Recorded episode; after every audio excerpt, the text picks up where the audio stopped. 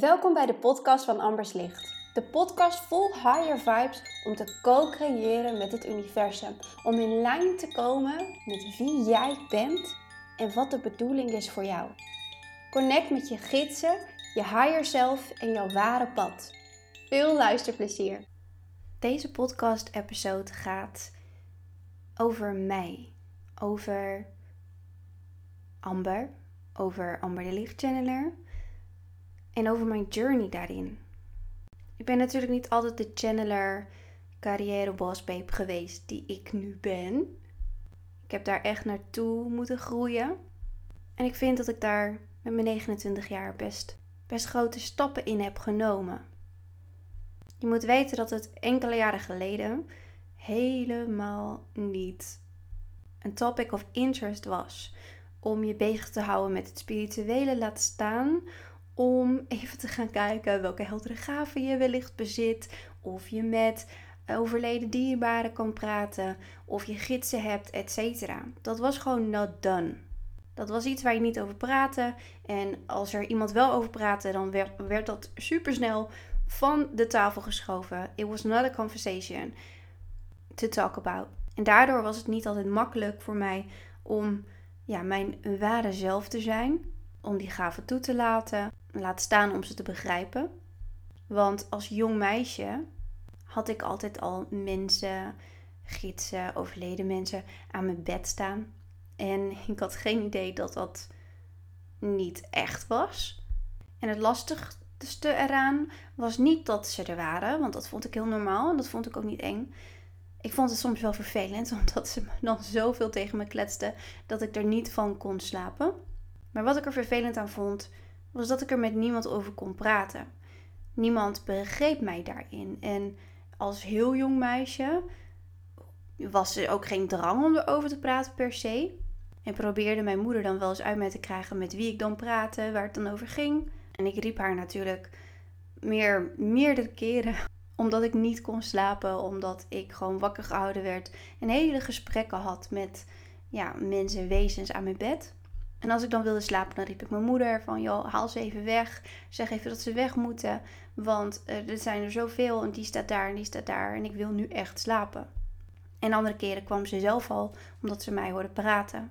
Ik heb nooit ervaren dat zij het lastig vond, dat zij het niet kende. Of dat ze het misschien ook wel een beetje spannend vond. Ze bleef altijd heel rustig en vertelde mij dat ik gewoon zelf ook kon aangeven wanneer ik er wel en niet blij mee was dat ze er waren en dat ze konden weggaan wanneer ik daar ook geen behoefte aan had. En zo heb ik geleerd om daar ja, wat meer nee tegen durven zeggen. Zeker toen ik wat ouder werd en wat meer cartoons keek, met ook heksen en andere wezens, wat meer fabeltjes waren. Iedereen zei dat bestaat niet. La la la Begon ik er minder in te geloven dat het echt van deze wereld was. Begon ik het ook meer af te stoten, omdat het niet normaal was. En mijn moeder zei ook van, goh, praat er niet met te veel mensen over, want die zullen dat niet begrijpen, want niet iedereen is zoals jij. Ik vond het wel lastig. Ik had daarin wel, ik weet het nog heel goed, dat ik heel jong was en al een soort identiteitscrisis had. Niet alleen omdat ik ja, dingen kon waarnemen. Want niet alleen was ik helderhorend, kon ik ze zien, maar begon ik ook helder te voelen. En al die andere dingen die bij een medium zouden horen, dat ja, begon ik te ervaren. En ik vroeg me ook altijd af waarom de kinderen om mij heen, in mijn klas, op mijn sport, niet bezig waren met de dingen waar ik mee bezig was. En dat was niet alleen dus met het spirituele, met het paranormale, maar dat ging ook over gewoon grotere levensvragen. Waarom zijn wij hier? Waarom zijn mensen niet lief voor de natuur? Waarom zijn we niet veel meer invested in de dierenwelzijn? En dat soort dingen. Dat, daar was ik altijd mee bezig. Later leerde ik dat dat betekent dat je een wijze ziel bent, die gewoon rondkijkt op de wereld en denkt: jongen, wat hebben we een puinhoop van gemaakt? Maar daar had, ja, daar had ik het wel heel erg lastig mee. En daarin vond ik heel weinig gelijkgestemden. Of zelfs ook niet. En ik wou dat die er was. Daarom hoop ik dat ook te kunnen zijn voor velen. Is iemand die verder was dan ik. Die mij daarover kon onderwijzen wat het betekende. En sterker nog, wat ik ermee kon. niet per se hoe ik het moet afsluiten. Want ik zie het en zag het nooit als een vloek. Nooit als iets waar ik mezelf niet mee wilde associëren. Ik heb zeker wel tijden gehad, vooral in mijn puberteit, dat ik het echt lastig vond. En soms gewoon super scary en spooky. Ehm, dat er ja, mensen aan mijn bed zouden kunnen komen verschijnen. Ik had namelijk ook een periode dat ik stoer mee wilde doen met mensen. En ik was hooggevoelig en ik was heldervoelend en ik was helderziend en alles. En ik wist dat het paranormale bestond. En vervolgens ging ik wel heel stoer mee horrorfilms kijken. En al die enge dingen opzoeken. Terwijl ja, mij dat wat meer in de angstfrequenties bracht. Waardoor wanneer dan het paranormale stuk, het aspect in mij dan naar voren kwam. Dat ik die twee niet heel erg voldoende goed van elkaar kon scheiden. En dat maakte dat ik wat meer in de angst schoot. En daar bleef ik ook een hele poos in. En toen heb ik echt heel helder gezegd, hè, want dat had ik natuurlijk geleerd als klein meisje, om te zeggen: nee, ik wil dit niet meer. En ik zei overal nee tegen. Ik wilde niet meer horen, ik wilde niet meer zien, ik wilde niet meer weten. Maar wat ik wel wilde, dat was namelijk heel handig, vond ik, is blijven helder voelen. Want ik kon feilloos aanvoelen: hey, is dit een goed persoon die nu de kamer inloopt? Uh, is dit een persoon waar ik beter bij uit de buurt kan blijven? Moet ik deze opleiding gaan doen? Um, of is dat juist geen goed idee? Nou, heldervoelendheid is iets waardoor je gewoon voelt van binnen en daardoor weet: dit is een ja of dit is een nee voor mij. En soms zelfs hele boodschappen daarmee doorkrijgt.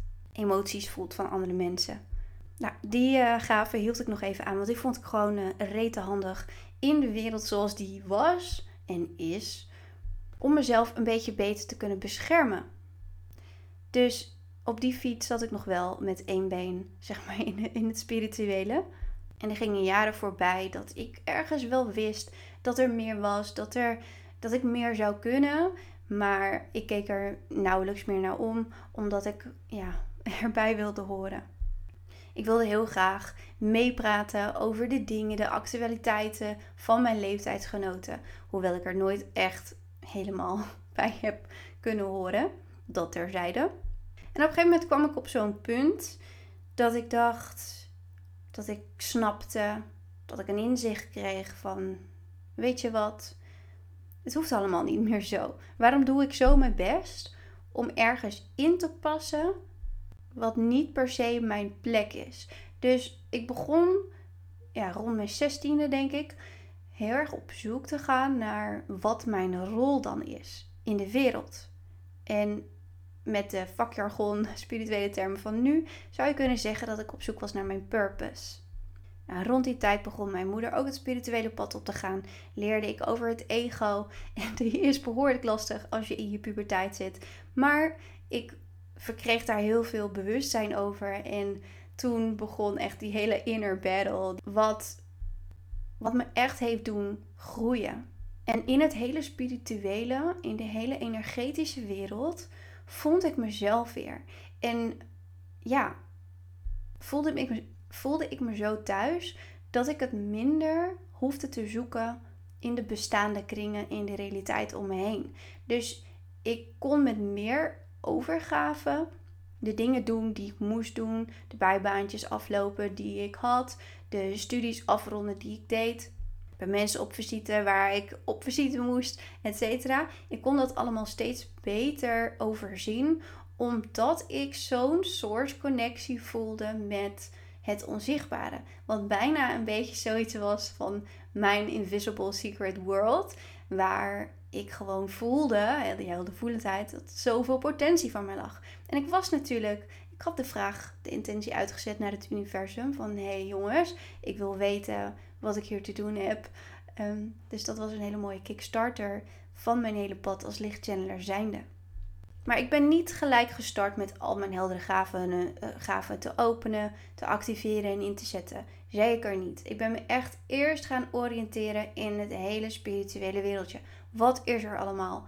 En ook daar had ik een klein beetje een identiteitscrisis. Want ik vond dat ik ergens in moest passen. Dat ik of een healer moest zijn, of een therapeut, of een bepaalde techniek moest leren die al bestond. En op een gegeven moment kwam ook daar weer het besef: hey, dit waar ik waarschijnlijk goed in ben, wat ik wil, wat ik hoor te doen, dat bestaat niet. Toen kwam ik de Ikigai tegen. Heel tof om een keer op te zoeken. Japanse manier om je purpose te zoeken. Dat heeft me echt geholpen om meer woorden te geven aan waar ik nou goed in ben en waar ik de wereld mee zou kunnen helpen. Want het allerliefste in mijn ziel voelde ik dat ik impact wilde maken. En hoe ik dat dan deed, dat is eigenlijk een klein beetje een bijzaak. Natuurlijk is het fijn om je passie te volgen. Maar dat mocht ik nog een invulling geven. Dus ik begon me meer te verdiepen in, ja, te onderzoeken eigenlijk in wat dan een passie voor me was. Dus ik gooide me in allerlei dingen, waardoor ik kon voelen, hey, is dit een passie van mij of niet? En dat maakte dat ik bepaalde dingen dus kon afsluiten en andere dingen kon insluiten. Van hé, hey, oké, ik schrijf dit op, dit is mijn inzicht erbij en ik begon echt te journalen. Toen kwam ik natuurlijk steeds meer te weten over de spirituele wereld. Ik ging ook een keer naar een paragnost en toen voelde ik het een en ander bij haar. Ik, ik ga niet helemaal, iemand anders afkraken. Daar ben ik echt niet voor. Ik geloof echt in het, in het goed van iedereen. Maar haar werkwijze resoneerde zo niet met mij. En toen triggerde het iets in mij dat ik dacht: hé, hey, maar dit kan ik veel beter. Er is een manier om dit een op een andere manier te doen. Toen begon ik een heel onderzoek naar wat voor medium zijn er allemaal. En toen zei mijn moeder tegen me: Ja, maar weet je nog dat jij al die mensen altijd bij jouw bed had staan? En dat zijn dan van die dingen die jij, als jij een lichtchanneler bent, ehm, in essentie, want dat ben je, dat ben je al sowieso voordat je naar de wereld komt, dat, dat, daar is je DNA mee opgebouwd, daar bestaat je blauwdruk uit. Dus het is een kwestie van dat weer herinneren, activeren. Dan heb je gedurende je childhood sowieso richtingaanwijzers daarvan gehad. En in mijn geval was dat dus mijn heldere gaven die hier en daar oppopten ook al had ik er afscheid van genomen, had ik de deur dicht gedaan, dan nog kwam er soms een geluidje door. Ehm, om mij bewust te maken van hé, hey, maar je moet hier wat, je, je kan hier iets mee. Doe er wat mee. Vervolgens begon ik meer en meer contact te maken met mijn gids. En vanuit oprecht interesse. En begon dat echt een passie van mij te worden. Dat ik dacht, wow, wat is er allemaal? En we hebben een heel gidsenteam. En wie is mijn hoofdgids dan? Nou, je zal het misschien wel herkennen. En met mijn hoofdgids Levi had ik zo'n zielsdiep verwantschap. Zo'n connectie en zo'n band. Dat ik niemand anders meer nodig had. Bij wijze van dan gewoon die connectie voelen. En ik geloof me, I tried. Ik heb echt hele dagen geprobeerd om gewoon te channelen en connected te blijven met hem en met Source en met de energetische wereld. Maar inmiddels heb ik daar ook wel van geleerd dat dat echt niet de bedoeling is om als living channeler door het leven te gaan. Want hey, we zijn ook nog aardse mensen. Een bewuste ziel in een aards lijf die een hele spirituele reis maakt hier op aarde, een aardse reis ook. Dus die twee mogen samen co-bestaan. Maar daar startte mijn reis pas echt. En toen was het niet gauw of er vlogen kaarten zetten bij mij naar binnen. Ik maakte contact meermalig met mijn hoofdgids Levi. En ik besefte me dat ik eigenlijk altijd al aan helder schrift deed. Omdat ik al mijn inzichten die ik kreeg zomaar opplopte in mijn gedachten. Opschreef of liedjes van maakte of verhaaltjes van schreef. Wat allemaal channeled info was. Dingen die een meisje van 10, een meisje van 8, een meisje van 14 niet zelf had kunnen bedenken. En gelukkig had ik ze allemaal bewaard, dus ik kon dat ook heel mooi terugreflecteren van zo, daar, daar zat ik toen mee en toen kreeg ik deze informatie binnen, maar ik dacht dat dat mijn eigen gedachten waren. En ik begon toen helder schrift toe te passen Ehm, met mijn hoofdgids. Met de gesprekken die ik had, de interactie die ik had met mijn hoofdgids. En ik kon hem alles vragen wat ik wou. Alle vragen over mij, alle vragen over mijn leven tot nu toe. Ik had geen vragen over de toekomst. Het ging echt allemaal over, oh, maar hoe zat dat dan? En wat zit er dan allemaal in mij? Daar ging mijn vragen met name over. En hij vertelde me zoveel. En hij liet me ook weer zien, want ik deed die deur open van helderziendheid. En ik zei, ik wil alleen maar liefdevolle dingen zien. En dat was natuurlijk helemaal oké, want ik, hij gaf aan dat ik alles mocht vragen wat ik wou. Dat hij er was voor mij. En dat ik gewoon kon laten weten waar ik klaar voor was. En dat we het stapsgewijs zouden gaan ontdekken samen. Super fijn. En ik opende dus die deur en ik was er klaar voor. Ik, ik had mijn derde oog weer geheeld en geactiveerd en allerlei innerlijk werk gedaan daarvoor. Maar nog hield ik de deur dicht voor dark energies. Ik wilde absoluut niet geassocieerd worden met iemand die rare dingen deed. Dus ik zei: Ik wil alleen met jou communiceren. Ik wil alleen jou zien in vrolijke kleuren. In ehm, iets wat ik niet eng vind. En so it was. Hij verscheen aan mij als een prachtige, grote, wijze L. En deze L, in fact, heb ik groot laten tatoeëren. Ik geloof dat ik toen 18 was. Op mijn bovenarm zitten nog steeds. En dat was echt zo van, oh, die connectie met jou, die voel ik zo sterk. En ik wil jou voor altijd bij me dragen. Nou, achteraf had ik die dus gezet. Ik vond het zelf een vet goed idee. En toen zei ik tegen hem, wow, ik heb dit gezet, vind je hem mooi? Toen ik de volgende keer weer helder schrift deed. En toen zei hij, wij zijn energetisch zijn we altijd al samen. Dus daar had je dit niet voor hoeven doen. Maar als jij dat mooi vindt, prima. Maar ik wil je nog wat vertellen. Want dit is niet mijn ware vorm. Want weet je nog dat jij had gezegd dat jij er alleen klaar voor was om in stappen dingen te zien? Jouw helderziendheid ging nu zo ver dat jij kon waarnemen waar je klaar voor was. En dat was heel minimaal. Jij houdt enorm van dieren, waardoor ik heel mooi het dierenrijk heb kunnen gebruiken om mijn essentie uit te drukken en dus aan je te verschijnen. Maar ik ben niet die L.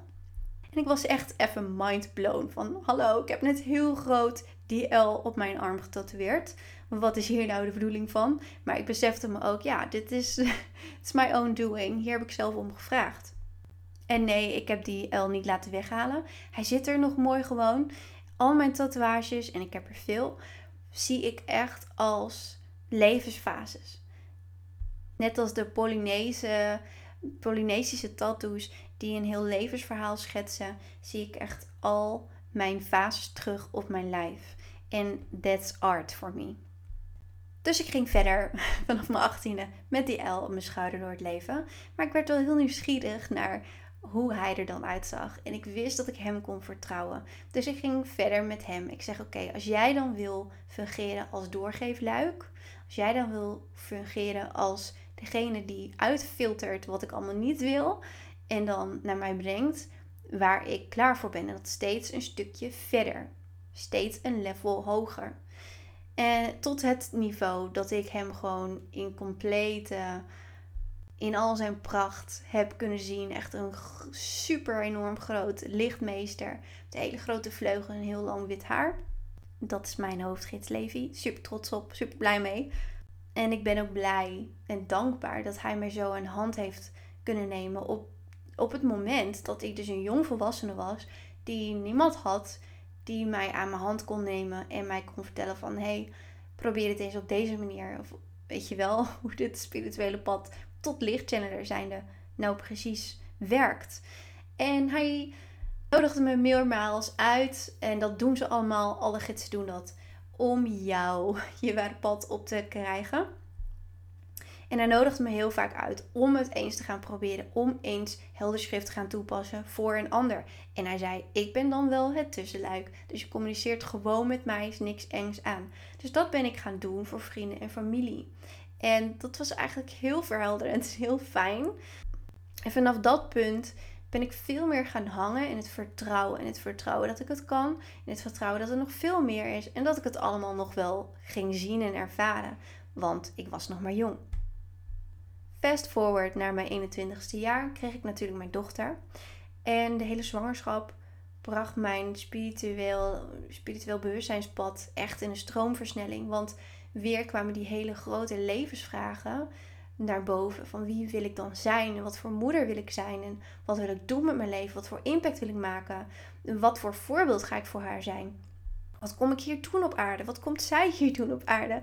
En toen verbinde ik me uh, heel erg met gelijkgestemden op dat moment. Was er echt een hele grote groep in opmars. Bewuste jongeren, nieuwe tijdse jongeren. En dat soort Facebookgroepen waren het allemaal. Heb echt heel erg veel aan gehad. hele mooie vrienden, vriendschappen aan overgehouden. Ook jongbewuste ouders. En mijn zus was op die tijd tegelijkertijd zwanger met mij van ook een dochtertje. Dus het was echt magisch om dat met z'n tweeën te kunnen meemaken.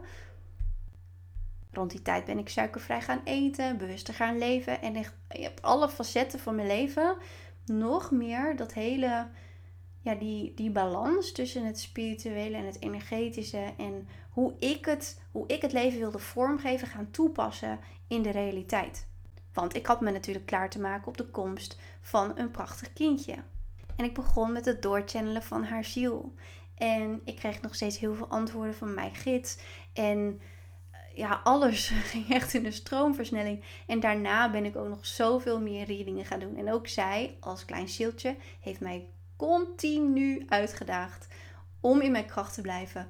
Om vol vertrouwen mijn gifts de wereld in te knallen. En daar ben ik haar ook echt super dankbaar voor. Zo ging zij bijvoorbeeld huilen bij de mensen waar zij een boodschap voor had, of waar een boodschap voor was. Hè. Denk even aan het algemene veld. Als er een boodschap in de lucht hangt voor iemand waar een channel erbij is, dan wordt dat zeer zeker gevoeld. En wat zij dan deed, was continu krijzen, krijzen, krijzen. En zij hield niet op tot ik de boodschap had verteld. Nou, ik kan je vertellen, als jonge ouder, alleenstaande moeder, vond ik dit zo spannend en eng. Zeker aan familieleden die, ja, die ik in eerste instantie nog niet zoveel had verteld over wie ik in wezen ben. En het hele spirituele wereldje die ik zo intens interessant vind. En waar ik ook gewoon met, met twee benen al in ben gaan staan. Dat hield ik nog een beetje af bij mijn familie die daar sceptisch over waren. Maar door haar komst en door haar gekrijs en ook dat zij mij vertelde dit moet je nu zeggen, um, werd ik echt uitgedaagd om dat te gaan doen. En dat deed ik.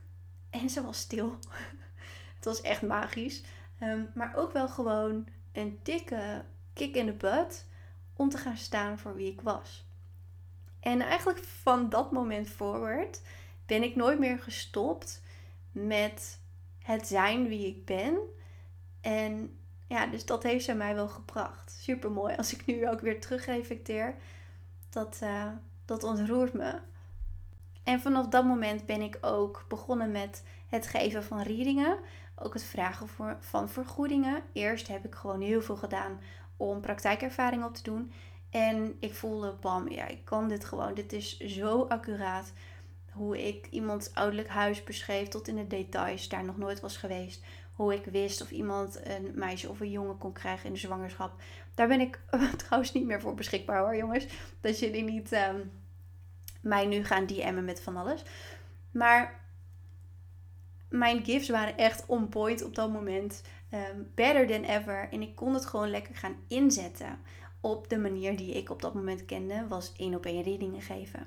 En dat ging lekker, dat ging heerlijk. We starten een jaar nadat mijn dochter was geboren, startten we de Bewustzijnsacademie of Light. Samen met mijn moeder en toen ook met mijn zus, die was er toen ook nog bij. Eh, want we hadden alle drie ons eigen bewustzijnspad gelopen. En dat kwam toen samen, zo magisch, zo, ja, zo aanvullend op elkaar. En allemaal op missie om meer bewustzijn te verspreiden op aarde.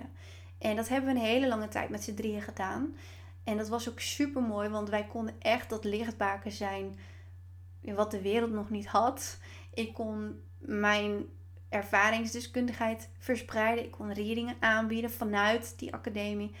En ik begon met trainingen geven en echt die bewustzijnsteacher worden neerzetten, die ik ook in me had. En daarnaast ehm, de, het medium zijn, de lichtchanneler zijn. Want zo ben ik me gaan noemen op basis van dat ik communiceer, ben gaan communiceren met mijn gids, met het hoogste licht.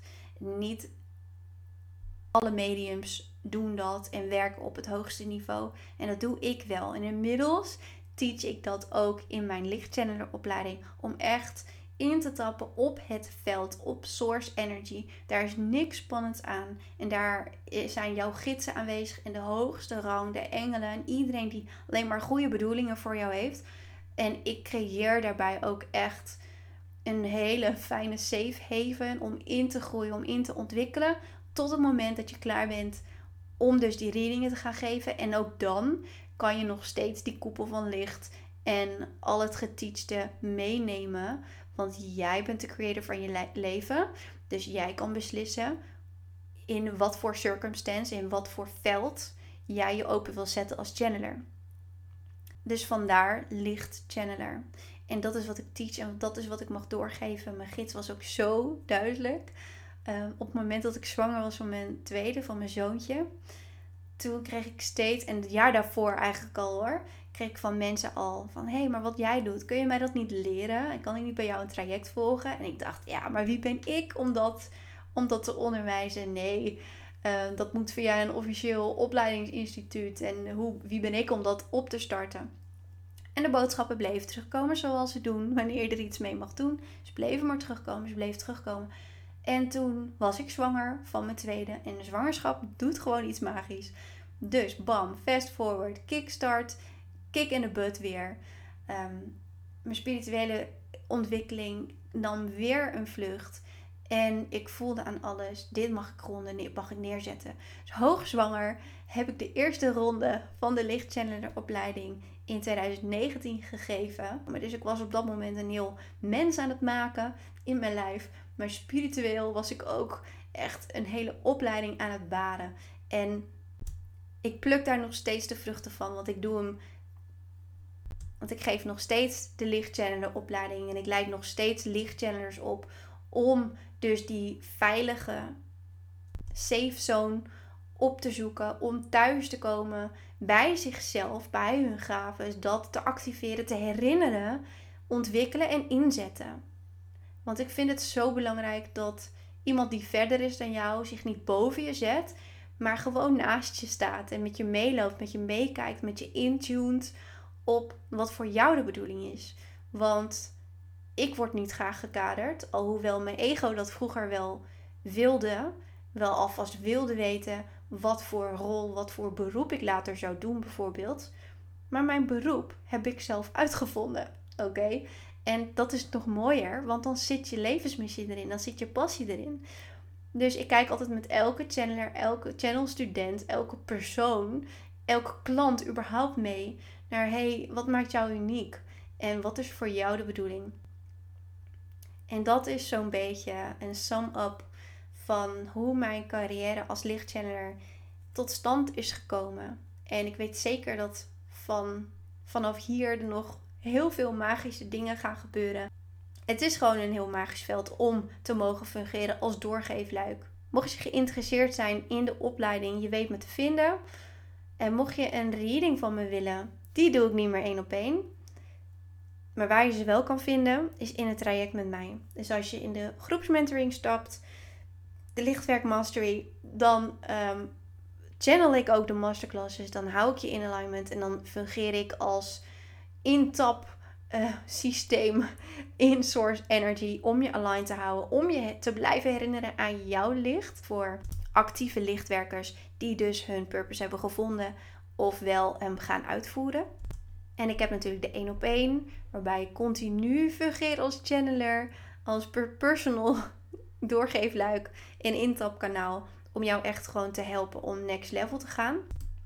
En bij de channelenopleiding leer ik je niet alleen om reading te geven, maar je krijgt ook voldoende readingen van je medestudenten. En je krijgt daarbij zoveel messages van source, van je gidsen, etc. Dat je wel even zoet bent met alle inzichten en boodschappen die je krijgt. En wie weet doe ik het in de toekomst nog bij een andere dienst. Dat laat ik nog even komen als dat komt. Bedankt voor het luisteren. Heel erg veel liefs. En voor degenen die nu denken: hey, ik herken mezelf toch ook wel heel erg veel hierin. Go for this. Want dit is echt iets wat jouw hele ziel open gaat gooien. Wat je hele verbinding met thuis in stand gaat brengen. En dat gun ik iedereen. Dus ga dat pad op. In connection in ieder geval met je gidsen. Heel veel liefs.